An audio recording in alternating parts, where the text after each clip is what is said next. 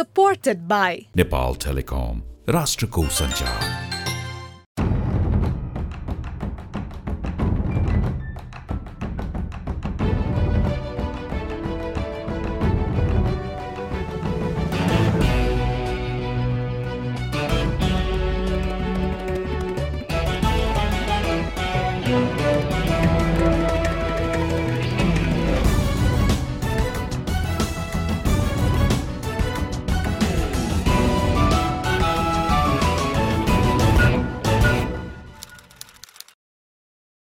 आदरणीय दर्शक तथा श्रोतावृन्द नमस्कार। कार्यक्रम टफ टकमा म दिलभूषण पाठक तपाईँ लगायत मेरा सबै सबै दर्शक तथा श्रोतालाई स्वागत गर्दछु।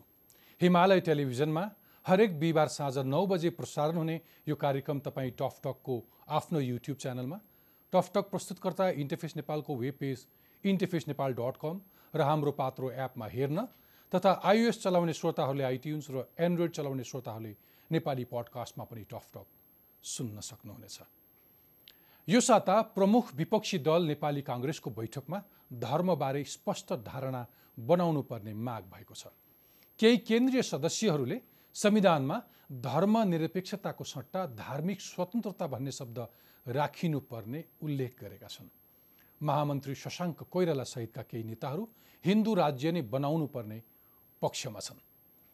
उता सिङ्गापुरमा उपचाररत प्रधानमन्त्री केपी शर्मा ओलीको मृगौलाको शक्ति बढाउन सात पटकसम्म प्लाज्मा फेरिसिस गरिएको छ।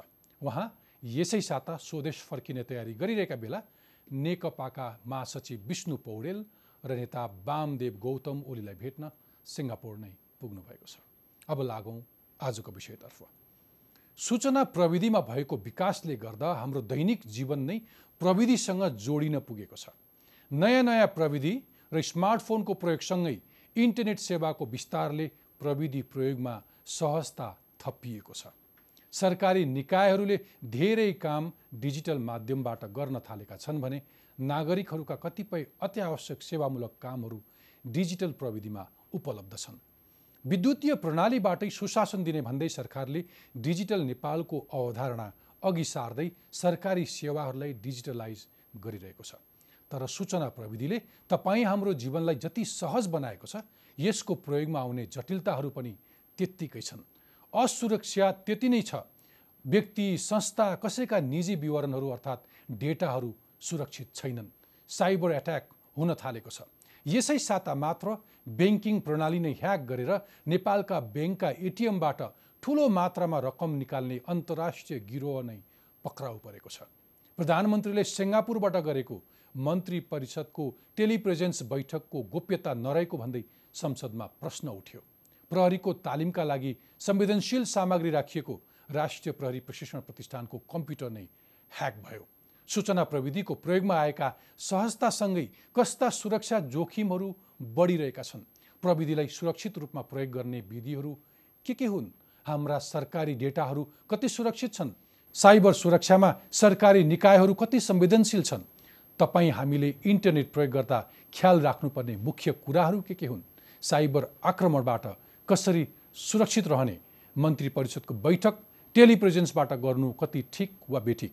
यस्तै जिज्ञासाहरूको जवाब खोज्न आज मसँग हुनुहुन्छ दूरसञ्चार प्राधिकरणका वरिष्ठ निर्देशक आनन्द राज खनाल। आउनुहोस् स्वागत गरौँ। आजका मेरा अतिथि संयुक्त राष्ट्रसङ्घको इन्टरनेट गभर्नेन्स फोरम आइजिएफको मल्टिस्टेक होल्डर एडभाइजरी ग्रुप लगायत विभिन्न अन्तर्राष्ट्रिय फोरम र सरकारका महत्त्वपूर्ण निकायमा बसेर सूचना प्रविधिको क्षेत्रमा काम गर्दै आउनुभएका electronics and communication engineer Anand Raj खनाललाई। आनन्दजी टफटकमा स्वागत छ। धन्यवाद नमस्कार। आराम हुनुहुन्छ? एकदम ठिक छ। काममा कति व्यस्त हुनुहुन्छ? तपाईँ कति सरकारले त मलाई पूर्ण रूपमा फुर्सद दिएको छ होइन? म हाजिर गर्छु। मेरो खासै कुनै कार्यविवरण छैन अहिले। म मन्त्रालयमा तानिएको छु। त्यस हुनाले मलाई अहिले कुनै अफिसियल कुनै काम छैन। कहिलेदेखि? यो जनवरी एकदेखि म नेपाल दूरसञ्चार प्राधिकरणमा अब वरिष्ठ निर्देशकको हैसियतले पूर्ण रूपमा काम गरिरहेको थिएँ। कस्तो कामहरू हुन्थ्यो? अब त्यसमा प्राधिकरण विशुद्ध रूपमा दूरसञ्चार क्षेत्रको नियमन गर्ने निकाय हो होइन? यसका प्राविधिकदेखि लिएर फ्रिक्वेन्सी व्यवस्थापनदेखि क्वालिटी अफ सर्भिसदेखि तपाईँ लाइसेन्सिङदेखि यी विविध चिजहरूमा हाम्रो चाहिँ संलग्नता अथवा आज हामी छलफल गर्न बसेको विषयहरू साइबर क्राइम साइबर। सेक्युरिटीका लागि अरू अवलम्बन गर्ने नीतिगत कुरादेखि हाम्रो यो बाई प्रोडक्टहरू हुन्। ती ती साइबर क्राइमसँग सम्बन्धित विषयहरू साइबर सुरक्षा नीतिको तर्जुमा गर्ने यी चिजहरू चाहिँ प्रविधिले ल्याएको बाई प्रोडक्ट हो जसमा प्राधिकरणले काम गर्नै पर्छ गरेको छ। ओके।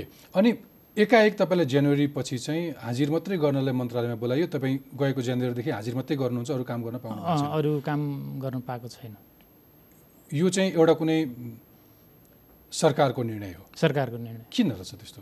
केही त्यस्तो तपाईँले केही अब यस्तो हुन्छ। मान्छेले एउटा महत्त्वपूर्ण संस्थामा जो त्यसको नेतृत्वमा रहन्छ राजनीतिक भनौँ न मन्त्री सचिव मन्त्रालयमा त्यो नेतृत्वसँग कति सहज रूपमा काम गर्न सक्छन् भन्ने हुन्छ। मेरो मैले लामो समय व्यावसायिक जीवन बिताउँदाखेरि मेरो एउटा स्पष्ट बोल्ने बानी छ। म जुन कुरा हुँदैन जुन कुरा गर्न मिल्दैन त्यसले देश जनताको लागि हित गर्दैन मैले स्पष्ट रूपमा नो भन्छु। त्यो क्षमता मसँग छ। तपाईँबाट असहयोग हुनसक्छ भनेर उहाँहरूले तपाईँहरूलाई हाजिर गर्ने जिम्मा दिए। अरू सायद त्यो हुनसक्छ। कम्फर्टेबल भएन होला। सहज भएन होला मसँग काम गर्न। तर एउटा एउटा एक्सपर्ट एउटा एउटा तपाईँ हामीले जस्तो नागरिकले कर तिरेर चलाउने संस्थाका एउटा एक्सपर्टहरूलाई कसैले पेन्डुलम बनाएर कामै जिम्मेवार त्यो राज्यले। सोच्ने कुरा हो। ठिक छ यतातिर नजाउँ आज हामी चाहिँ बढ्दो प्रविधिको विकास डिजिटलाइजेसन। हजुर। यो सरकार आफैले पनि डिजिटल नेपालको। डिजिटल नेपालको कल्पनाको कुरा गर्छ। र त्यहाँ देखिन सक्ने सुरक्षा चुनौतीहरूको बारेमा हामी छलफल गर्न आज भेला भएको छौँ। मलाई भनिदिनुहोस् कि पछिल्लो समय इन्टरनेटमा जुन आम जनताको पहुँच बढ्यो र हामी जुन डिजिटल डिजिटलाइजेसनको जुन प्रोसेसमा अगाडि बढिरहेछौँ यस अर्थमा हामी विकसित हुँदैछौँ विकासको एउटा मार्गमा छौँ या हामी असुरक्षित बन्दै गइरहेका छौँ। यो सबैभन्दा तपाईँले जुन जहाँबाट सुरुको थालनी भयो यो संवादको असाध्यै महत्त्वपूर्ण र विरोधाभासपूर्ण अ, हामी दोधारमा छौँ। एकातर्फ संसारले के भनिरहेछ भन्दाखेरि सूचना तथा सञ्चार प्रविधिमा पहुँच पुगेन भने हामी विकासमा पछाडि पर्छौँ। त्यस हुनाले no one should be left behind कसैलाई पनि यसको पहुँचबाट वञ्चित गरिनु हुँदैन भन्ने अन्तर्राष्ट्रिय मान्यता हो। खबरदारी गरिन्छ। डिजिटल डिभाइड नहोस् नहोस्। भनेर। होइन? डिजिटल डिभाइडले फेरि अर्को विभेद सिर्जना गर्छ भनेर भन्छौँ हामी। भन्छौँ। र त्यसका लागि अन्तर्राष्ट्रिय रूपमा ठुला प्रयासहरू भएका छन्। र राष्ट्रिय रूपमा पनि अब जबरजस्त नीतिगत हस्तक्षेप गरिएन भने यो डिजिटल डिभाइड बढ्दै जान्छ। ग्रामीण र सहरी क्षेत्रको डिभाइड अब गरिब र धनी बिचको डिभाइड चाहिँ क्षमता भएका र नभएका बिचको डिभाइड डिजेबल जुन छ नि अपाङ्गता भएका र सपाङ्ग मान्छेहरूको बिचको डिभाइड यो बढ्दै जानेछ। त्यस कारणले हरेक क्षेत्रमा जबरजस्त नीतिगत र कानुनी हस्तक्षेप गर्नुपर्छ भन्ने मान्यता छ। त्यही अनुसार नेपाल दूरसञ्चार प्राधिकरणमा एउटा ग्रामीण दूरसञ्चार विकास कोष भन्ने ठुलो रकम छ। बिसौँ अरब रुपियाँ छ त्यसमा। त्यसको माध्यमबाट हामीले ब्रडब्यान्ड इन्फ्रास्ट्रक्चर र ब्रडब्यान्ड एक्सेस चाहिँ हरेक गाउँ गाउँमा हरेक व्यक्तिको पहुँचमा इन्टरनेट ब्रडब्यान्ड इन्टरनेट पुर्याउनको लागि कार्यक्रमहरू अगाडि ट्वेन्टी ट्वेन्टीमा धेरै राष्ट्रहरूले आफ्ना नागरिकहरूलाई इन्टरनेटको पहुँचमा पुर्याउँछौँ भनेर प्रतिबद्धतै जनाएका हो छन् प्रतिबद्धता जनाएका छन् र नेपाल पनि त्यसको सिग्नेटरी हो। हो। त्यसले गर्दाखेरि हामीले ब्रडब्यान्ड नीति दुई हजार एकहत्तर सालमा लिएर आएको। त्यो नीतिअनुसार सन् दुई हजार बिससम्ममा हामीले नब्बे प्रतिशत घरधुरीमा ब्रडब्यान्ड इन्टरनेटको पहुँच पुर्याउने भन्ने हाम्रो चाहिँ लक्ष्य हो। ओके। तर अब यो अनुसारको काम चाहिँ अलिकति अलि अलिकति गति चाहिँ लिएको छैन होइन? तर काम चाहिँ सुरुवात भएको छ। एकातिर यो चाहिँ पेसमा गइरहेछ भने अर्कोतर्फ असुरक्षाका घटनाहरू साइबर सुरक्षाका घटनाहरूप्रति दिन प्रतिदिन मान्छेहरूको अब अविश्वास यो प्रति अविश्वास बढिरहेको घटना छ। अस्ति भर्खर शनिबारको मात्रै तपाईँले हेर्नुभयो भने एटिएमबाट पैसा चाहिँ चाइनिजहरूले निकाले भन्ने कुरा Exactly. मेरो अगाडि पनि मेरो। प्रश्न के हो भने तपाईँले अघि कुरा गरिरहँदाखेरि आज नेपालमा साठी प्रतिशतसँग अन्त इन्टरनेटको ब्रोडब्यान्ड इन्टरनेट छ। ब्रोडब्यान्ड इन्टरनेटको एक्सेस छ। पहुँच। यो सूचना प्रविधि अथवा यो इन्टरनेटमा मान्छेको एक्सेस जुन छ त्यो कति सुरक्षित तवरले गरिरहेका छौँ हामी? अब प्रश्न यहाँनिर छ। अब एकातिर यो पहुँचलाई वृद्धि गर्नुपर्ने छ। जो यसमा समाहित छैनन् तिनीहरूलाई समायोजन गर्नुपर्ने छ। उनीहरूको दक्षता सिपलाई विकसित गर्नुपर्ने छ।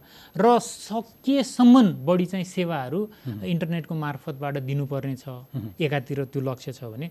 अर्कोतिर यसको सुरक्षा चुनौती यति धेरै बढ्दै गएको छ कि त्यसका पाँचवटा आयामहरूमा हामीले समानान्तर हिसाबले काम गर्नुपर्ने छ त्यो पाँचवटा आयाम कसरी चाहिँ इन्टरनेसनल टेलिकम्युनिकेसन युनियन अन्तर्राष्ट्रिय दूरसञ्चार सङ्घ जो चाहिँ संयुक्त राष्ट्रसङ्घको स्पेसलाइज एजेन्सी हो यो आइसिटीमा उसले पाँचवटा आयाममा यो साइबर सेक्युरिटीलाई हेर्छ। एउटा यसको टेक्निकल मेजर्स भन्छ लिगल मेजर्स भन्छ त्यसपछि क्यापेसिटी बिल्डिङ भन्छ इन्टरनेसनल कोअपरेसन भन्छ र प्रोसिजरल मेजर्स भन्छ अर्गनाइजेसनल मेजर्स भन्छ।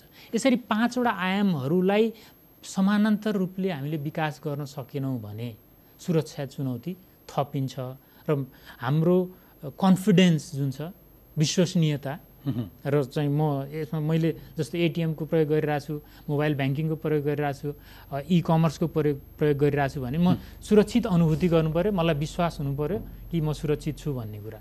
त्यसमा धक्का पुग्छ। ओके त्यसो भए मलाई भनिदिनुहोस् यसै साता एउटा यस्तो घटना घटियो कि नेपाल ब्याङ्कका एटिएमहरूमा प्रवेश गरेर चिनिया ह्याकरहरूले जसरी आक्रमण गरेर पैसा लाने प्रयास गरे भले पैसा तिनले त्यहाँबाट निकालिसकेर होटल पुऱ्याइसकेको पैसा पछि प्रहरीले समायो। यसलाई कसरी हेर्नुहुन्छ? अब यसमा मतलब यो स्पष्टै छ कि पर्याप्त रूपमा हामीले सुरक्षा संवेदनशीलताहरू अपनाउन सकेनौँ भन्ने कुरा देखिन्छ होइन? विशेष गरेर नेपाल किन टार्गेट भइरहेछ फाइनेन्सियल्ली?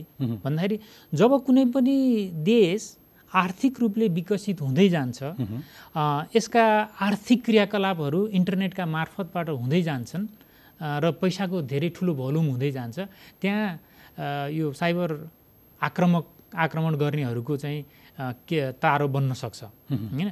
अब यदि हामी सुरक्षित सुरक्षाका चाहिँ सम्पूर्ण उपायहरू अप्नाएनौँ भने हामी यसको भिक्टिम हुन सक्छौँ। इन्टरनेटको प्रयोगले अथवा प्रविधिको प्रयोगले सूचना प्रविधिको प्रयोगले तपाईँलाई जुन सहजता दियो जीवनमा हजुर। त्यहाँ प्रशस्त जोखिमहरू छन् तपाईँले। भन्दै हुनुहुन्छ कि तपाईँले जति ढङ्ग पुऱ्याउनु भएन त्यस सुरक्षाका विधिहरू अप्नाउनु भएन तपाईँ त्यति नै असुरक्षित हुनुहुन्छ। र ह्याकरहरूले तपाईँलाई बढी आँखा लगाउँछन् तपाईँको। त्यो संयन्त्रमा प्रवेश गरेर नाजायज फाइदा उठाउन होइन एकदम सही। त्यो विधि र प्रविधिहरू के के हुन्छन्? कसरी हुन्छ? अब यसलाई मुख्य त्यो पनि महँगो छ नि। एकदम महँगो छ। जसरी सूचना महँगो मात्रै होइन। यसको जुन दक्षता सिप जुन छ नि त्यो नै कमजोर छ। अन्तर्राष्ट्रिय रूपमा हेर्ने हो भने millions of jobs are vacant on cyber security त्यस हुनाले त्यो ग्याप चाहिँ एकदम बढिरहेछ। र अहिले यो साइबर सुरक्षामा यति धेरै ठुलो लगानी छ कि त्यो हाम्रो जस्तो देशमा हाम्रो जस्तो सानो इकोनोमी भएको देशमा सानो टर्नओभर भएको कम्पनीहरूले त्यस्तो खालको सम्पूर्ण रूपले सुरक्षित हुने खालको प्रविधि ल्याउने र त्यस्तो मान्छेहरूलाई जागिर दिने भन्ने कुरा चाहिँ अलिकति गाह्रो छ। तर म अलिकति के भन्छु भन्दाखेरि अब साइबर वर्ल्ड भनेको हन्ड्रेड पर्सेन्ट सेफ हुन्छ भनेर भन्न सकिँदैन। हुँ, जहिले पनि त्यो पर्पेटेटर एक कदम अगाडि हुन्छ। हुँ। अथवा ह्याकर अगाडि हुन्छ। उसले चोर्न सक्दैन यो हन्ड्रेड पर्सेन्ट सेक्युरिटी हुन्छ। चोर्न इम्पोसिबल छ भन्न कसैले पनि सक्दैन। इन्टरनेट बनाउने अमेरिकामा त्यत्रो ह्याकिङ भइरहेछ त्यत्रो साइबर आक्रमण भइरहेछ होइन? इरानको तपाईँले दुई हजार दसको जुन न्युक्लियर प्लान्टको त्यो सेन्ट्रिफ्युजल पम्प जुन ब्लास्ट भयो नि त्यो कति संवेदनशील रूपमा त्यो इन्टरनेटमा पनि जोडिएको थिएन। स्टक्स नेट मार्फत त्यो इकोसिस्टम डिभाइस त कहीँबाट लिनु पऱ्यो त्यो डिभाइसको इकोसिस्टममा सानो एउटा भाइरस प्लान्ट गरेर उसले त्यो मोनिटरिङ सिस्टमलाई डिजेबल गरेर हेर्दा हेर्दै थाहा नपाउने गरेर तपाईँको त्यत्रो चाहिँ तहल्का मचायो भेट्यो भने ह्याकरलाई पुग्छ। छिद्र पनि बहुआयामिक छिद्रहरूमा छिरेर थाहा नहुने गरेर घरि एकदम कम स्पिडमा चलाउने अनि त्यसपछि सत्ताइस दिनसम्म ऊ चाहिँ एकदम साइलेन्ट हुने नर्मल स्पिड। फेरि चाहिँ एकदम हाई स्पिडमा चलाउने फेरि साइलेन्ट हुने। गर्दा गर्दै गएर पत्तै लगाउन सकेन अस्ति चिनियाहरूले के गरे? चिनियाहरूले गरे के भन्दाखेरि जस्तो अब त्यो अथेन्टिकेसन हुन्छ नि ब्याङ्कको सर्भर ले तपाईँले कार्ड छिराउनु भयो कार्ड छिराइसकेपछि तपाईँले आफ्नो डेटा त्यहाँ कोड हाल्नुहुन्छ। ब्याङ्कको सर्भरमा जान्छ। सर्भरले अथेन्टिकेट गरेपछि मैले कार्ड राखेपछि ब्याङ्कको सिस्टमले मेरो कार्ड पढ्छ। पढ्छ। कार्ड पढेपछि तिमी फलाना मान्छे हौ तिम्रो खाता छ तर पासवर्ड हाल भन्छ। भन्छ। पासवर्ड हालेपछि तपाईँले हालिसकेपछि त्यो कोड हालिसकेपछि ब्याङ्कमा अथेन्टिकेसनको लागि जान्छ त्यो सूचना। र उसले अथेन्टिकेट गरिसकेपछि क्यास निस्किन्छ। त्यस पछाडि पैसा मेरो खाताबाट अब झर्छ। तपाईँ ल सुन्नुहोस्। विधि यो अब सुन्नुहोस्। यसरी ह्याकिङ गरियो कि त्यो ब्याङ्कमा अथेन्टिकेसनको लागि नगइकन यदि त्यहीँबाटै मालवेयरले। त्यहीँबाटै अथेन्टिकेट गरिदियो भने त ब्याङ्कलाई पनि थाहा भएन नि त। सिधा सिधा त्यही एटिएमलाई घुमाएर घुमाएर त्योभन्दा बाहिर अरू कसैलाई नभनेर त्यहीँबाट पैसा कसरी भयो भन्दाखेरि क्यास त एकदम फास्ट डिप्लिट भयो सक्यो। अनि मात्रै ब्याङ्कको मान्छेले थाहा पायो। त्यो सम्बन्धित ब्याङ्कले अथराइज गरेर थाहा पाएको होइन नि। त्यस हुनाले यो इको सिस्टममा जहाँ पनि लुपहोलहरूमा खेल्न सकिन्छ। ओके। अझ यसलाई बुझ्ने गरी मलाई मेरो दर्शकलाई बुझाउन मन लाग्यो। मैले तपाईँसँग कुरा गर्नुभन्दा अगाडि केही रिसर्च गर्दै थिएँ र मलाई एउटा विज्ञले कसरी बुझाउनु भयो भने सूचना प्रविधिको प्रयोगमा पनि तपाईँले सुरक्षाका विधिहरू अप्नाउनु भएन भने ग्रिल नलाएको घरमा चोर पसे जस्तै यसका ह्याकरहरू पनि प्रवेश गर्छन्। जति धेरै तपाईँले यो सेक्युरिटीको मेजर्सहरूले सिल्ड गर्नुहुन्छ तपाईँ इन्टरनेटमा त्यति नै सुरक्षित हुनुहुन्छ। त्यो चाहिँ धेरै राज्यले धेरै व्यक्तिले धेरै संस्थाले जानेको हुँदैनन् अथवा त्यो विज्ञता हुँदैन र स्रोत हुँदैन। त्यसकारण यस्ता घटनाहरू हुन्छन् भनेर भनेको थिएँ। तपाईँले यसमा केही थप्नुहुन्छ अथवा यसलाई रिजेक्ट गर्नुहुन्छ? सुरक्षाको तह तह हुन्छ। जस्तो तपाईँले खुल्लै राखिदिनु भयो। भन्यो भने त्यो सबै सबै आउने भयो। सबै सबै आउने भयो। एउटा ताला लाग्नु भयो भने त्यसलाई ताला फुटाउनु पर्यो। अलिकति बलियो ताला गर्दै गरेर अब जस्तो हामीले अब जस्तो त्यही ठाउँमा एटिएममा पनि हामीले त्यो पिनकोड हालेकै भरमा हाम्रो अथेन्टिकेसन हुनुको ठाउँमा पिनकोड हालिसकेपछि टु फ्याक्टर अथेन्टिकेसनको व्यवस्था गरियो भने टु टु फ्याक्टर अथेन्टिकेसन भनेको जस्तो तपाईँको मोबाइलमा ओटिपी वान टाइम पासवर्ड आउने व्यवस्था गरिएको भए सम्भवतः त्यो सम्भव हुन्थेन होला कि। अनि चोर र सिपालुहरू चाहिँ फेरि पैसा बढी फ्लो भइरहेको। जस्तो चाडबाड दसैँ तिहार अब झन् त्यो बढी ह्याकर्सहरू छिर्ने समय हो। ब्याङ्कमा धेरैले अब भिजिट ट्वेन्टी ट्वेन्टी छ। त्यहाँ को को आउला भनौँ न। त्यसो लागि हामीले यो सुरक्षा संवेदनशीलतालाई बुझ्नु जरुरी छ। अहिले जुन अनलाइनको कारोबारहरू वृद्धि भएको छ नि त्योहरू कति सुरक्षित छ? अब यो कति सुरक्षित केही घटना नहुँदासम्म चाहिँ सुरक्षित हुने हो है। केही नहुँदासम्म मात्रै सुरक्षित हुने हो क्या? भूकम्प नजाँदासम्म तपाईँको घर सुरक्षित हो। कति रेक्टरको भूकम्प गयोले तपाईँको घर कति सुरक्षित भन्ने हो। त्यस कारणले सबै चिजहरू सुरक्षित हन्ड्रेड पर्सेन्ट कस्तो खालको प्रविधि प्रयोग गरेर ह्याकिङ गरिएको छ? त्यो स्टक्स नेट भनेको सानोतिनो दिमागले हालिएको होइन नि। त्यो त अब ठुलो दिमाग लगाएर ठुलो इन्भेस्टमेन्ट गरेर ठुलो चाहिँ इकोसिस्टमलाई म्यानिपुलेट गरेर त्यहाँ हालिएको हो। त्यस्तै चाहिँ गर्नलाई त धेरै खर्च हुन्छ होइन। सामान्य रूपमा चाहिँ हेर्दाखेरि सुरक्षित छ। होइन तपाईँले मैले के तपाईँ एउटा सरकारी संस्थामा हुनुहुन्छ जो आफै नियमनकारी संस्था हो। जसले यो अनुगमन गर्छ मूल्याङ्कन गर्छ। प्रविधिमा कहाँ छौँ कति सुरक्षित छौँ भन्ने कुरा।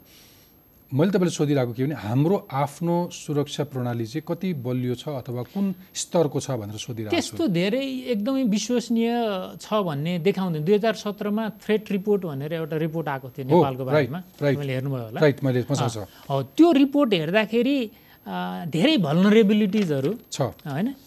हामीले नजरअन्दाज गरेका धेरै लुप होल्सहरू चाहिँ हरेक ठाउँमा। वेबसाइटको डिजाइन गर्नेदेखि लिएर म मसँग फ्याक्ट्सहरू छ। तपाईँले भनेको थ्रेड रिपोर्ट दर्शकलाई यो काम लाग्छ कि त्यो वार्षिक प्रतिवेदनमा सरकारी इमेल र सर्भर नै सुरक्षित छैन भनेर भनेको छ। भलै तपाईँ त्यही सरकारको एउटा अङ्गमा हुनुहुन्छ। तपाईँले पनि जवाबदेता लिनु पर्ला होइन? दस हजारभन्दा बढी इमेलहरू अरूको पहुँचमा पुग्ने अवस्था रहेछ। एक हजारभन्दा बढी इमेलहरू ह्याकरको पहुँचमा पुगेको पाइयो।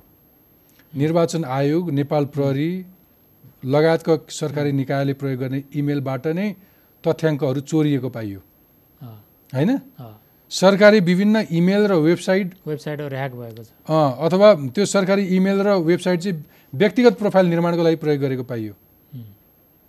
होइन? वैकल्पिक ऊर्जा प्रबन्धन केन्द्र सशस्त्र प्रहरी बल आन्तरिक सुर- सुरक्षा विभाग आन्तरिक राजस्व विभाग र नेपाल कृषि अनुसन्धान परिषद। पाँचवटा सरकारी इमेलबाट अश्लील वेबसाइटमा खाता खोलेको भेटियो। हामी कहाँ छौँ सर? हामी एकदमै वास्तवमा साइबर सुरक्षाको जुन संवेदनशीलता छ त्यो व्यक्तिको तहमा संस्थाको तहमा राष्ट्रिय तहमा हामी त्यति संवेदनशील छैनौँ। यसको निष्कर्ष चाहिँ त्यो हो। त्यसको लागि के कानुन पुगेन? तपाईँहरूले काम गर्न पाउनु भएन राज्यले स्रोत परिचालन गरेन? होइन राज्यमा त्यो सोचै आएको आएको छैन के? साइबर सुरक्षा यति संवेदनशील विषय हो भन्ने कुरा त पहिला त नीति निर्माण गर्ने तहमा त्यो संस्थागत नेतृत्वमा आउनु पऱ्यो नि त। तपाईँलाई म भन्छु दुई हजार पन्ध्र सन् दुई हजार पन्ध्रमा हामीले एउटा चाहिँ यो साइबर सिक्योरिटी अवेरनेस रिपोर्ट भनेर दुई हजार पन्ध्रमा एउटा सर्वे गरेका थियौँ। हो। है कि कति अवेर छौँ त हामी भन्ने कुरा. र त्यसकै आधारमा cyber security awareness programme design भएको थियो दुई हजार पन्ध्रमा। दुई हजार सोह्रमा राष्ट्रिय रूपमा हामीले साइबर सुरक्षालाई हेर्ने दृष्टिकोण के हो त? हाम्रो राष्ट्रिय रणनीति के हो नीति के हो भनेर हामीले एउटा राष्ट्रिय चाहिँ साइबर सुरक्षा नीति तर्जुमा गरेका थियौँ।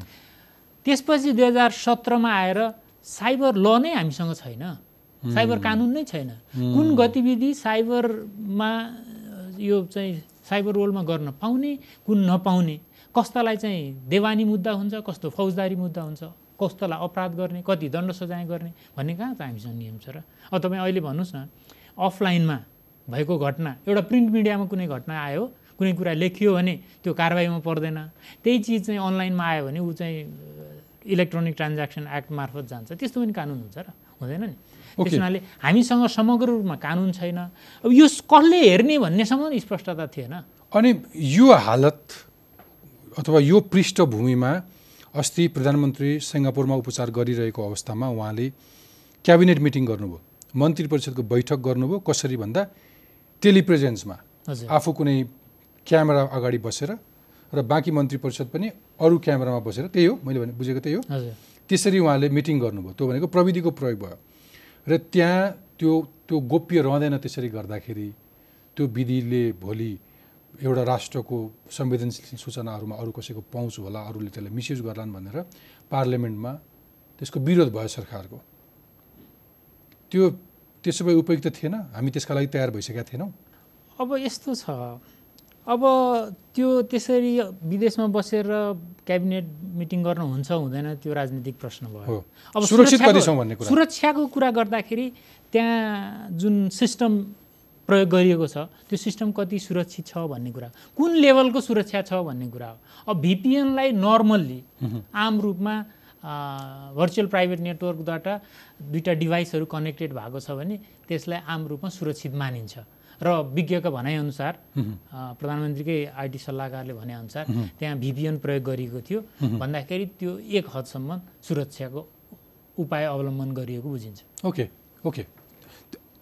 त्योभन्दा बाहेक तपाईँ आफै दूरसञ्चार प्राधिकरणमा हुनुहुन्छ। त्योभन्दा बाहेक त्यसै भन्नुहोस् हाम्रा सरकारी डेटाहरू चाहिँ कति सुरक्षित छन्? अब अघिको एउटा थ्रेड रिपोर्ट अर्कै कुरा भयो तर तपाईँको बुझाइ। त्यति धेरै सुरक्षित हुन सक्दैन। किनभने कसैले हामीलाई टार्गेट गर्यो भने है कसैले हामीलाई टार्गेट गर्यो वास्तवमै अलिकति प्राविधिक रूपले जानकार ह्याकरले हाम्रा चाहिँ सूचनाहरू लिन चाह्यो भने त्यति धेरै सङ्घर्ष गर्नुपर्छ जस्तो मलाई लाग्दैन। त्यो त्यो रिपोर्टको आधारमा हेर्ने त्यसो भए जस्तो तपाईँलाई निर्वाचन आयोगको चाहिँ हाम्रो डेटा हेऱ्यो भने हाम्रो डेटा एभ्रिबडी सबैले पनि हेर्न सक्ने एउटा के मागेको हुन्छ डेट अफ बर्थ मागेको हुन्छ। अब डेट अफ बर्थ त तपाईँले चाहिँ कहाँ कहाँ राख्नु भएको छ? राख्नु भएको छ नि। छ। होइन? भनेपछि अब फेसबुकमै डेट अफ बर्थ राख्नुभयो होला ट्विटरमा राख्नुभयो होला होइन? कहाँ कहाँ राख्नुभयो होला? हो। अब त्यो त्यो डेट अफ बर्थ लक गरेर म निर्वाचन आयोगमा छिरेँ भने। फेरि फेरि यस्तो पनि नहोस् कि हामीले चोरलाई बाटो देखाइरहेको छौँ कुनै ह्याकरलाई छलफल गर्दै गर्दाखेरि। मलाई यो कुरा भनिदिनुहोस् कि तपाईँले प्रसङ्ग उठाइहाल्नुभयो निर्वाचन आयोगको। हामी नागरिकताका सवालमा अथवा पासपोर्ट अथवा मालपोत लगायत धेरै डिजिटल माध्यमबाट काम हुन थालिसकेको छ। त्यसको अर्थ अब नागरिकका सबै सूचनाहरू त त्यहाँ हुन्छन् त्यहीँ बस्ने भयो। भनेपछि यो सूचना बाहिर लिक हुने सम्भावना पनि त्यति नै धेरै देखिरहनु भएको छ तपाईँ। सम्भावना त जहिले पनि हुन्छ तर एउटा हामीले फलो नगरेको आम रूपमा फलो नगरेको र विशेष गरेर सरकारी निकायहरूले फलो नगरेको के हो सुरक्षाको मापदण्ड भन्दाखेरि कसैलाई सफ्टवेयर बनाउन दिइयो होइन? डेटाबेस कसैले बनाइदियो सफ्टवेयर बनाइदियो। त्यो सफ्टवेयरको सेक्युरिटी भल्नरेबिलिटिजहरू टेस्ट गर्नको लागि एक्सपर्ट राख्नुपर्छ क्या थर्ड पार्टीले टेस्ट गरिदिनु पऱ्यो कि त्यो कति सेक्योर छ भनेर। एउटा मिनिमम लेभलको नम्बर एक। त्यो न हामी प्रायः जस्तो गर्दैनौँ। गर्दैनौँ। नम्बर एक। त्यसको अडिट हुनुपर्छ। होइन अडिट त अपरेसनमा गएपछि अडिट हुने हो। तपाईँको सफ्टवेयर डिप्लोय गर्नुभन्दा अगाडि सफ्टवेयरको प्रयोग गर्नुभन्दा अगाडि नै सुरक्षा संवेदनशीलताका आधारमा केही प्यारामिटर हुन्छन् त्यो टेस्ट गर्नु पऱ्यो थर्ड पार्टीले। फेरि उसैले उसैको पार्टीले होइन उसले त गर्छ नै तर थर्ड पार्टीबाट एस्योर्ड हुनु पऱ्यो कि यो एक हदसम्म यो सेक्योर छ भनेर। त्यसपछि सेक्युरिटी अडिट नियमित रूपमा गर्नु पऱ्यो हामी कहाँ सरकारी रूपमा कस्तो चलन छ भन्दाखेरि अब भन्न अप्ठ्यारो छ। अब यहाँ धेरै चाहिँ अब यो सफ्टवेयर डेभलपमेन्ट कम्पनीजहरू छ नेपालमा होइन? कसै न कसैको पहुँच हुन्छ राजनीतिसँग हुन्छ कसैको ब्युरोक्रेसीसँग हुन्छ। अनि आफ्नो मान्छेलाई चाहिँ प्रोजेक्ट दिने भन्ने कुरा हुन्छ क्या। त्यो कम्पिटेन्ट छ कि छैन? त्यसले सबै चिजहरूको क्वालिफिकेसन पुरा गरेको छ कि छैन? भन्दाखेरि पनि आफ्नो मान्छेलाई दिने भन्ने हुन्छ। अब उसले दिने भनिसकेपछि अब उसले फेरि थर्ड पार्टी लगाएर टेस्ट गर्यो भने त फेल हुन्छ। भुक्तानी गर्न गाह्रो होला। त्यसले गर्दाखेरि हामी एकदमै हाम्रो जुन अभ्यास छ नि सफ्टवेयर निर्माणको अभ्यास एकदमै राम्रो छैन। स्ट्यान्डर्ड प्र्याक्टिस छैन। गभर्मेन्ट लेभलमा अलिकति भरपर्दा मन्त्रालयहरू अथवा अलिकति संवेदनशील कुराहरूमा चाहिँ हामी कहाँ छौँ? जस्तो सरकारी कार्यालयको वेबसाइटहरू अथवा तिनका सर्भरहरू अथवा तिनका तथ्याङ्कहरू अहिले चाहिँ राष्ट्रिय सूचना प्रविधि केन्द्रमा राख्ने चलन छ होइन? त्यही व्यवस्था छ। त्यो आफै कति सुरक्षित छ? अब त्यो कोरियन सरकारको सहयोगमा बनेको हुनाले मलाई लाग्छ कोरियनहरूले अब कोरिया चाहिँ अब यो आइसिटीको डेभलपमेन्ट इन्डेक्समा नम्बर वानमा धेरै वर्ष रहिरहेछ होइन। त्यसले गर्दाखेरि अब उनीहरूले नै बनाइदिएको हुनाले अब सुरक्षितै होला भन्ने मेरो अनुमान मात्रै तर तपाईँ अघि तपाईँले भन्नुभयो प्राधिकरण चाहिँ यी सबै कुराहरू हेर्ने नियमन गर्ने। प्राधिकरणले साइबर सुरक्षालाई डाइरेक्टली हेर्दैन। अब नेपाल सरकारको यो सञ्चार तथा सूचना प्रविधि मन्त्रालयमा डिओआइटी भन्ने छ होइन? सूचना प्रविधि विभाग छ। अहिले सूचना प्रविधि महाशाखा नै बनाएको छ मन्त्रालयभित्र।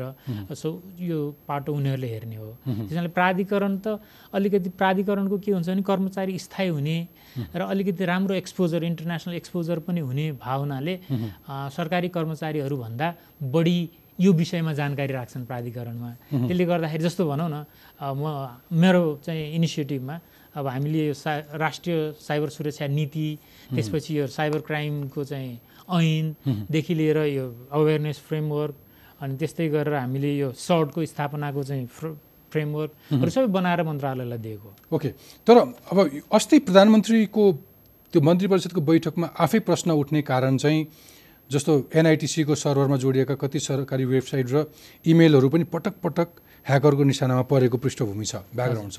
त्यही आधारमा पनि हामी त्यति सुरक्षित छैनौँ भनेर प्रश्न उठाइएको हो पार्लियामेन्टमा। अब पार्लियामेन्टमा त यो मोर पोलिटिकल हो जस्तो लाग्छ मलाई होइन? अब केही इस्युज त अब साइबर सुरक्षा एउटा इस्यु हो। अब कतिले त सार्वभौमिकताको पनि सार्वभौम सत्ताको पनि कुरा गरे होइन? त्यो मलाई लाग्छ मोर पोलिटिकल हो होइन? सुरक्षा एउटा ए इस्यु हो होइन? कति सुरक्षित छ भन्ने चाहिँ इस्यु हो। मसँग एउटा अनुभव पछिल्लो पटक त अब तपाईँको यो सूचना प्रविधि केन्द्रको सर्भर पछिल्लो पटक वैशाख बाइस गते ह्याक भएको रहेछ। हजुर। केन्द्रको सर्भर डाउन हुँदा करिब करिब पाँच घन्टा मालपोत यातायात राजस्व कार्यालयमा दिने सरकारी सेवाहरू प्रभावित भएका रहेछन्। मलाई आफूलाई पनि पछिल्लो पटक अनुभव छ कि यो गएको एक महिना म एकपटक यातायात कार्यालय जानु पऱ्यो एकपटक सूचना विभाग जानु पऱ्यो एकचोटि कर कार्यालय जानु पऱ्यो तिनटै कार्यालय जाँदाखेरि अहिले सर्भर डाउन छ भनेर जवाब पाइयो। सो आधा एक घन्टा सर्भर डाउन हुने अथवा सेवाग्राहीलाई असजिलो हुने त्यस्ता संस्थाहरूमा त्यो समस्या आउन थालेको छ अहिले होइन यो सर्भर डाउन हुने समस्या मलाई लाग्दैन कि यो साइबर सुरक्षाको कारणले सुरक्षा नभए पनि हामी कति चुस्त दुरुस्त छौँ। इन्फर्मेसन टेक्नोलोजी आफै हामी कुन कुन हाम्रो स्ट्यान्डर्डमा छौँ भन्ने त। म्याटर गर्छ नि? एकदम सही कुरा सुरक्षा त्यो त झन् बेसिक भयो नि सुरक्षा त बेसिक माथि भयो। नि हो एकदम हामी। त्यहीँ चुकिरहेछौँ त्यहीँ चुकिरहेछौँ हो प्रा नियमित रूपमा सर्भर डाउन भइरहेछ त्यहाँ अब के अब प्राविधिक रूपले सुरक्षाभन्दा पनि अरू प्राविधिक कारणले गर्दाखेरि जस्तै इलेक्ट्रिसिटीको सप्लाईको कुरा होला होइन? अरू कुनै कारण अथवा कमसल विधि कमसल प्रयोगहरू होला अथवा त्यो इन्टरनेटको तारमा समस्या आएको होला। त्यो कारणले गर्दाखेरि सर्भरहरू डाउन हुने समस्या नियमित रूपमा सरकारी कार्यालयमा देखिन्छ। ओके। सरकारले डिजिटल नेपालको नीति अघि सार्यो हजुर। विच इज भेरी नाइस तर त्यसका लागि आवश्यक कानुनी संरचनाहरू तयार गरिसकेका छैन तपाईँको कुरा सुन्दै गर्दाखेरि। र यो नीति अथवा त्यो योजना कार्यान्वयनका लागि हामीले केही प्राथमिक कुराहरू गर्नै सकिरहेको छैनौँ। अब यसमा धेरै कुराहरू छ होइन? यो डिजिटल नेपाल फ्रेमवर्कमा। तर त्यस्तै फ्रेमवर्क हामीले सूचना सञ्चार प्रविधि नीतिमा पनि थियो। त्यस्तै गरेर ब्रडब्यान्ड नीतिमा पनि थियो। यस्ता डकुमेन्टहरू नेपालमा धेरै पटक आइरहेको छन्। होइन? तपाईँ विद्युतमा हेर्नुहोस् दस हजार मेगावाट पन्ध्र हजार मेगावाट पच्चिस हजार यस्ता कुराहरू हामी भनिरहेको छौँ।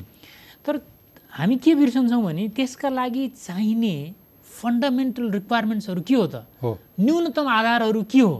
लगानीको कुरा त्यसको चाहिँ कानुनी व्यवस्था कस्तो हुन्छ? त्यसको लागि संस्थागत संरचना कस्तो हुनुपर्छ?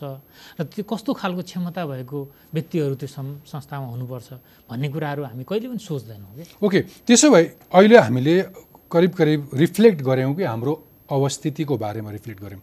सो वाट नेक्स्ट एउटा एक्सपर्टको हिसाबले तपाईँ धेरै इन्टरनेसनल फोरमहरूमा गएको पार्टिसिपेट गरेको देख्छु पोलिसी लेभलमा सो वाट नेक्स्ट हामीले गर्ने कुरा कोही? अब फेरि एउटा चिनियाको सट्टा अर्को कुनै परिचय लिएर अर्को कुनै ह्याकर यो मुलुकमा प्रवेश नगरोस् अथवा हाम्रा सूचना संयन्त्रहरूमा कसैले नाजायज फाइदा नउठाओस् भन्नका लागि हामी आफू सुरक्षित रहनका लागि हामीले अवलम्बन गर्नुपर्ने बाटाहरू के हुन्? एउटा व्यक्तिले एउटा संस्थाले अथवा सरकारका तर्फबाट?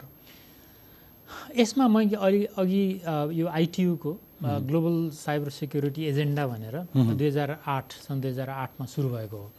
यसमा अहिले साइबर सिक्योरिटी इन्डेक्स भनेर उसले पाँचवटा डोमेनहरूमा मेजर गर्छ। हरेक कन्ट्रिजहरूलाई होइन? त्यो मेजर गरेको पाँचवटा डोमेन अघि मैले भने तपाईँको लिगल मेजर्स। कानुनी व्यवस्था। कस्तो छ? कानुन स्पष्ट रूपमा आउनु पर्यो। होइन? साइबर सुरक्षाका सम्बन्धमा कस्तो कस्तो कानुन अन्तर्राष्ट्रिय रूपमा अभ्यास गरिएको छ त्यो कानुनहरू आउनु पर्यो। कार्यान्वयन हुन सक्ने कानुन हो। दोस्रो कुरा भनेको अर्गनाइजेसनल स्ट्रक्चर कस्तो हुन्छ? संस्थागत विकास संरचनाको कुरा। त्यसपछि भनेको प्रोसिजरल टेक्निकल प्रोसिजरल म्याटर्स भनेको स्ट्यान्डर्ड्सहरू कस्तो हुने? कस्तो स्ट्यान्डर्डमा जस्तो भनौँ न एटिएममा कस्तो स्ट्यान्डर्ड फलो गर्ने?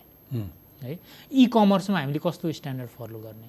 पासवर्डको सम्बन्धमा के हुने? अब टु फ्याक्टर अथेन्टिकेसन लागू गर्ने कि नगर्ने? त्यो कुराहरू। त्यसपछि फोर्थ डोमेन भनेको क्यापेसिटी बिल्डिङ अब मैले अघि भने कि धेरै ठुलो ग्याप छ। स्किल भएको क्षमता दक्षता भएको ह्युमन रिसोर्समा उपलब्धै छैन। अन्तर्राष्ट्रिय जगतमै उपलब्ध छैन। बल्ल बल्ल कम्प्युटर सिक्दैछन् मान्छे। होइन? त्यस हुनाले त्यो क्यापासिटी कसरी बिल्ड गर्ने? ह्युमन क्यापासिटी पोलिसीको क्यापासिटी सरकारमा प्राइभेट सेक्टरमा अरू क्षेत्रमा कसरी बिल्ड गर्ने?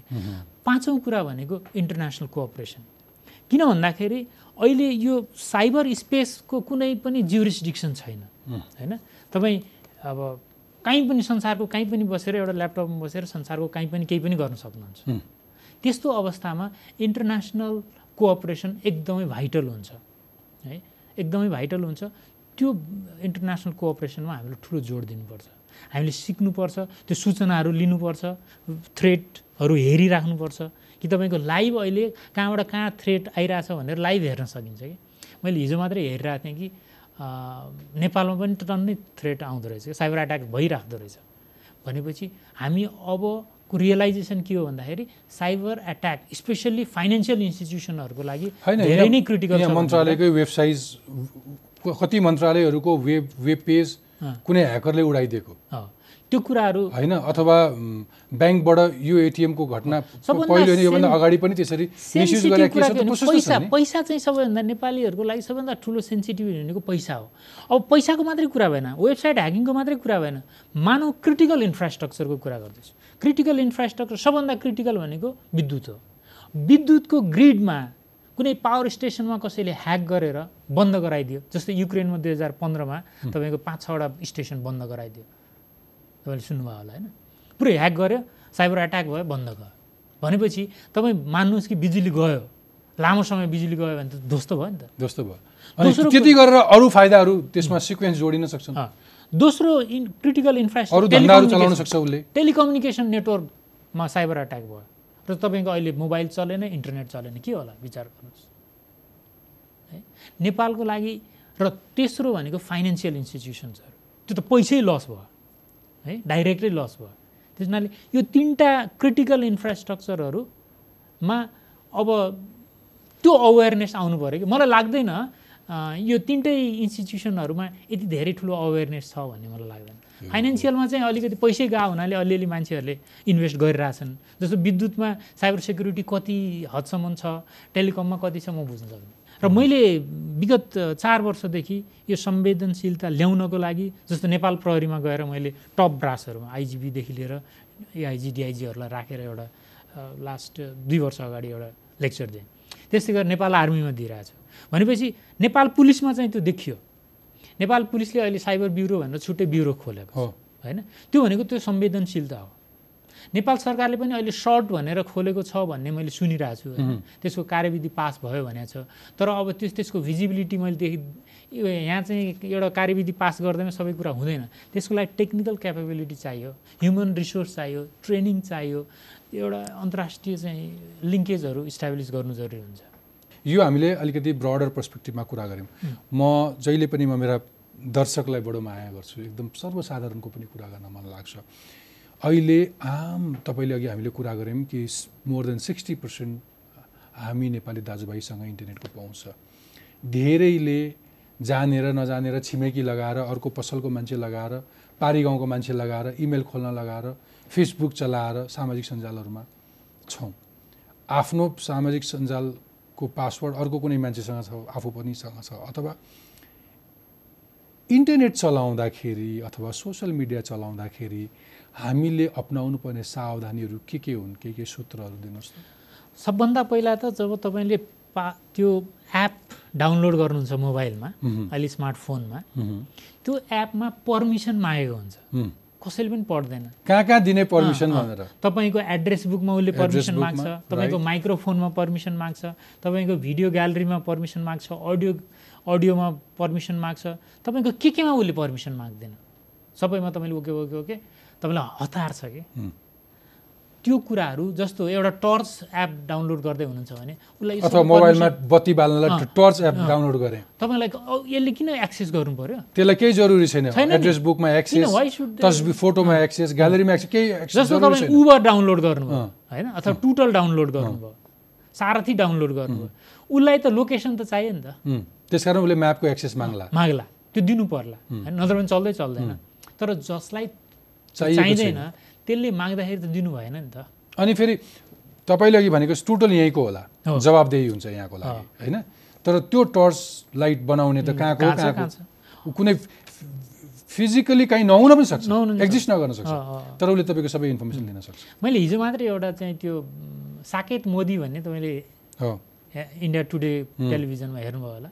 मन्त्रीको अगाडि उसले बिस सेकेन्डमा तपाईँको मोबाइल ह्याक गर्यो उसले एउटा तपाईँले मोबाइल दिनुभयो बिस सेकेन्डभित्रमा उसले एउटा एप डाउनलोड गर्यो र तपाईँसँग भएको सबै चाहिँ डेटा मोबाइलमा भएको डेटा जति उसले आफ्नो सर्भरमा लिएर गयो। भनेपछि मसँग यहाँ भएको कुनै पनि कुरा मसँग छ भनेर दङ्ग पर्नुको कुनै तपाईँसँग भएको कुनै पनि कुरा अहिले जोसँग। सामाजिक सञ्जालको कुनै पनि अपरेटरसँग छ। एभ्रिथिङ अथवा फेसबुकवालासँग सबै छ। ट्विटरसँग। ट्विटरवालासँग सबै। मेरो इन्फर्मेसन तपाईँले जति पनि एप डाउनलोड गर्नुभएको छ तपाईँले सबैलाई पर्मिसन दिइसक्नुभयो। दिइसकेको छ। एउटा कुरा। त्यो अन्तर्राष्ट्रिय रूपमा भोलि अब त्यसले लिक गर्यो भने के हुन्छ त्यो अर्कै डाइमेन्सन हो होइन? अनि हामी काहीँ हिँड्दै गर्दाखेरि कुनै रेस्टुरेन्टमा छिर्ने बित्तिकै सबैभन्दा पहिले हामीलाई वाइफाईको हतारो हुन्छ नि हतारो हुन्छ नि। एकदम। त्यो त्यो वाइफाईमा तपाईँ जोडिँदै गर्दाखेरि पनि तपाईँले धेरै आफ्ना सूचनाहरू गुमाइसक्यो। कसै गुमाइसकेको हुनसक्छ एकदम सही। तर त्यस्तो ठाउँहरूमा सार्वजनिक ठाउँमा तपाईँ इन्टरनेट चलाइराख्नु भएको छ भने सेन्सिटिभ ट्रान्ज्याक्सन्सहरू गर्नु भएन। जस्तो मोबाइल ब्याङ्किङ गर्नु भएन। त्यहाँ बसेर? त्यहाँ बसेर। होइन? त्यो चाहिँ ए पब्लिक ठाउँमा गएर वाइफाईमा जोडिएँ अनि त्यहाँबाट मोबाइल ब्याङ्किङ गरेँ म मनी ट्रान्सफर यति पैसा। मैले ट्रान्सफर गर्न थालेँ। त्यो। चाहिँ गर्नु भएन कि? त्यो सुरक्षित हुँदैन। त्यो त्यो त्यस्तो खालको सेन्सिटिभ ब्याङ्किङहरू गर्नु पऱ्यो भने या त मेरो आफ्नो घरको वाइफाईमा गर्नु पऱ्यो या त एनटिसीको डाटामा गर्नु पऱ्यो अथवा कुनै अपरेटरको डेटा अपरेटरको डाटामा गर्नु पऱ्यो अरू कुनै लोकल कुनै होटेलको कुनै पसलको अथवा. जथाभावीको वाइफाईमा बसेर गर्नु अर्को कुरा हामीले सामाजिक सञ्जालमा त्यहाँ तपाईँको सेटिङ्सहरू हुन्छ सेक्युरिटी सेटिङ्सहरू हुन्छ। त्यो सेक्युरिटी सेटिङ्समा तपाईँको पोस्टलाई अथवा तपाईँको प्रोफाइललाई कसलाई हेर्न दिने कसलाई हेर्न नदिने तपाईँको पोस्टमा कसलाई लाइक गर्न दिने कमेन्ट गर्न दिने सबै व्यवस्थाहरू हुन्छ। अघि तपाईँले काहीँ इङ्गित गर्नुभएको थियो मेरो दर्शकले फेरि बुझ्ने गरी भन्न आग्रह गरेँ कि पासवर्डहरू राख्दाखेरि चाहिँ त्यसलाई अपडेट गरिरहनु पर्यो। कसैले थाहा पाएको हुन्छ त्यसमा अपडेट गरेपछि उसले थाहा पाउने चान्सेस भएन। अर्को चाहिँ अक्षर अङ्कहरू मिलाएर सिम्बलहरू मिलाएर। अलिकति कम्प्लिकेटेड राख्नु पर्यो। सम्झिन सजिलो हुने गरेर राख्नु पर्यो राख्न चाहिँ- कम्प्लिकेटेड तर अलिकति कम्प्लिकेटेड अङ्क कम्प्लिकेटेड भनेको त्यो कम्बिनेसनहरू मिलाउनु पर्यो। मैले चाहिँ एउटा सजेस्ट गरेको यो त कस्तो गाह्रो रहेछ भने कि? मान्छेलाई सजिलो पासवर्ड त सजिलै गेस गर्न सकिन्छ नि त। यो तपाईँले व्यक्तिलाई भन्नुभयो तर फेरि सरकारको तहमा गयो भने चाहिँ अहिले तपाईँ नेपाल टेलिकम अथोरिटीको वरिष्ठ निर्देशक भएकोले मैले के सोधेँ भने अहिले नेपाल टेलिकम्युनिकेसनले अथवा नेपाल दूरसञ्चारले सबै व्यक्तिसँग भएका मोबाइल डिभाइसहरू रेजिस्टर गर्ने प्रक्रियामा छ त्यसलाई व्यवस्थापन गर्दैछ। त्यो भनेको तपाईँहरूले के भन्नुहुन्छ होला mobile device management system okay. हो मोबाइल डिभाइस म्यानेजमेन्ट सिस्टम। त्यो डिभाइस म्यानेजमेन्ट सिस्टम चाहिँ कसलाई दिनु दिएको छ नेपाल सरकारले भने मलेसियन कम्पनीलाई। जुन मलेसियन कम्पनीले पहिले डाटा लिक गरेको भनेर विवादमा परिसकेका छ र उसलाई यहाँ नेपाल ल्याउने लोकल पार्टनर आफै पनि पहिले बाइपास मुद्दामा आरोपित भइसकेको छ। अनि सरकार आफै पनि यस्तो धन्दा गर्छ? यस्तो यस्तो कच्चा खेल खेल्छ? यो प्रक्रियामा म कुनै पनि तरिकाले समावेश नभएको हुनाले यसमा म धेरै टिप्पणी गरिरहन सक्दिनँ। तर तपाईँको आफ्नै संस्था त्यहीँ तपाईँको संस्था हो फेरि। अब त्यो म यता मन्त्रालयमा म हाजिर गरिसकेपछि यो सबै प्रक्रिया सुरु भयो होइन। यो ठेक्काको प्रक्रिया। त्यसनाले यसमा मैले धेरै त्यहाँको अन्तरङ्ग कुराहरू के भए कसरी भए भन्ने कुराहरू म भन्न सक्दिनँ अहिले। ओके। तर जुन भयो। त्यो दुइटै कुराहरू आरोपित हो होइन? त्यो गलत हो। ओके। त्यसरी विश्वसनीयता गुमाइसकेको कम्पनीलाई ठेक्का दिनु ठिक छ। अब जाँदै केही तपाईँ तपाईँ संयुक्त राष्ट्रसङ्घको इन्टरनेट गभर्नेन्स फोरम आइजिएफको मल्टी स्टेक होल्डर एडभाइजरी ग्रुपमा पनि हुनुहुन्छ। हजुर। टु थाउजन्ड नाइन्टिनका लागि तपाईँ नियुक्त हुनुभएको तपाईँको काम के? त्यसको जिम्मेवारी के? अब यो इन्टरनेट गभर्नेन्स फोरम भनेको इन्टरनेट रिलेटेड सबै पोलिसीहरूको काम गर्ने युएनको चाहिँ संस्था हो यो। ओके यसले नछुने भन्ने कुनै पनि विषय छैन। इन्टरनेटले जे जे छुन्छ तपाईँ human rights in the internet fake न्युजदेखि लिएर होइन? तपाईँको अहिले हेट स्पिचदेखि लिएर वाट नट जेन्डरदेखि लिएर वाट एभर यु डेटा अहिले हामीले जुन भन्यौँ नि सेक्युरिटीदेखि लिएर डेटा इन्क्लुजनदेखि लिएर digital डिभाइडदेखि anything comes under the ambit of IGF अहिले हामीले तिनवटा मेजर इस्युमा ग्लोबल कन्फरेन्स गर्दैछौँ नोभेम्बरमा जर्मनीमा। त्यो भनेको एउटा चाहिँ यो साइबर सिक्युरिटीसँग रिलेटेड छ। सेक्युरिटी सेफ्टी रेजिलियन्सको कुराहरू छ। दोस्रो कुरा भनेको डिजिटल इन्क्लुजनको कुरा छ। अहिले डिजिटल डिभाइडको कुरा हामीले गऱ्यौँ। त्यो डिजिटल इन्क्लुजनको कुरा छ। तेस्रो कुरा भनेको data governance future is on data तपाईँले जति पनि यो एक्सेस मागिरहेको छ नि एपहरूले। त्यो डेटा नै लिन खोजेको। तेस्रो कुरा भनेको data governance future is on data तपाईँले। जति पनि यो एक्सेस मागिरहेको छ नि एपहरूले। त्यो डेटा नै लिन खोजेको। सबै। अबको फ्युचर भनेको डेटा हो। डेटा बिग डेटाको कुरा गर्छौँ डेटा एनालिटिक्सको कुरा गर्छौँ आर्टिफिसियल इन्टेलिजेन्सको कुरा गर्दैछौँ फ्युचरको भने everything is govern by data होइन?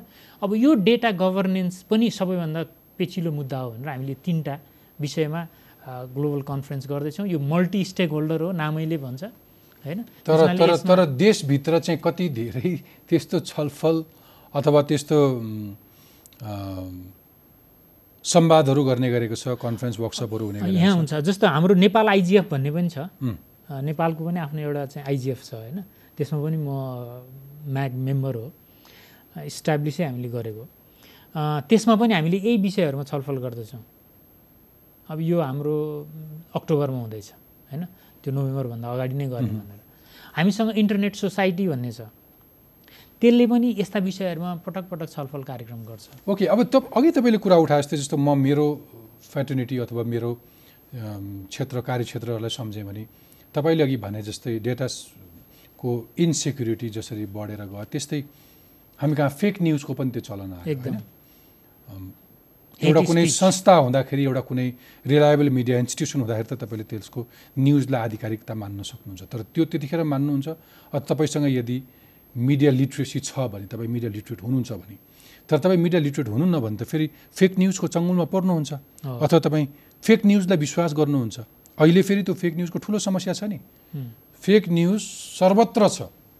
एउटा सत्य समाचारभन्दा गलत समाचार सिक्स टाइम्स फास्टर ट्राभल गर्छ व्यक्तिदेखि व्यक्ति भनेर भन्छौँ हामी। तपाईँ युट्युबको भ्युज नै हेर्नुहोस् न। हो।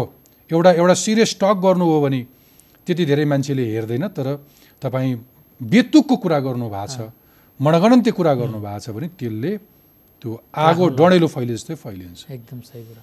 भनेपछि हामी अब अब हामी बिट मारौँ। तपाईँले मलाई यसलाई केही सहयोग गर्नुहोस् बिट मार्न कि हामी यो सञ्चार प्रविधिको विकास सँगसँगै हामी त्यति नै ठुलो त्यो डढेलोमा पर्न सक्ने सम्भावना पनि छ अथवा त्यो त्यो चुनौती अथवा त्यो खतरामा पनि पर्दैछौँ हामी। तर त्यसका लागि फेरि सुरक्षा सुरक्षित रहनका लागि अरू विधिहरू छैनन् प्रविधिहरू छैन भन्ने होइन कि?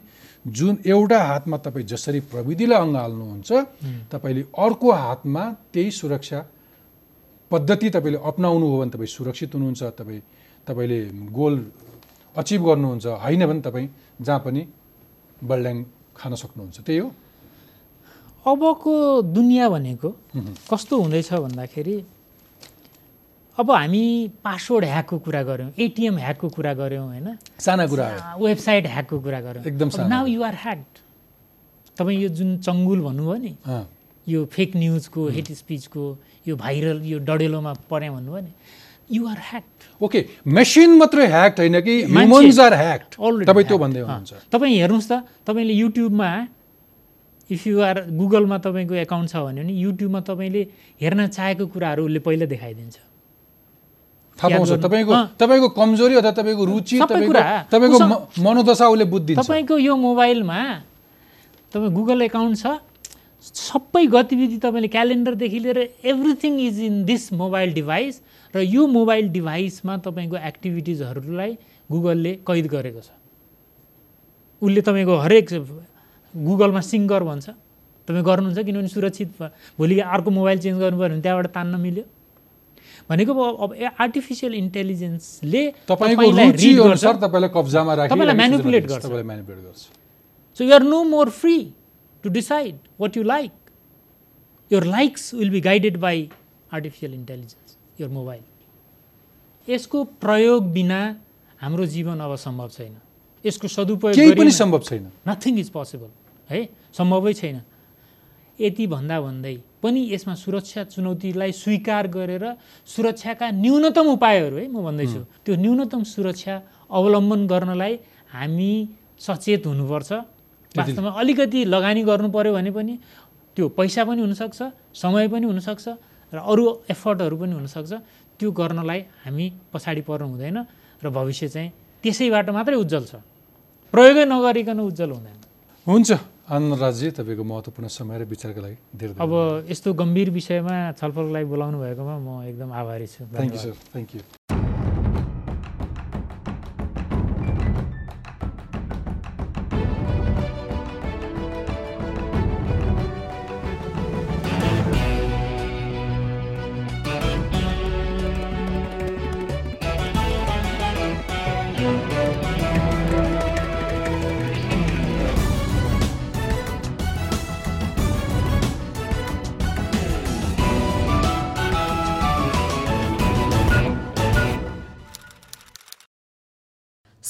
supported by Nepal Telecom, राष्ट्रको सञ्चार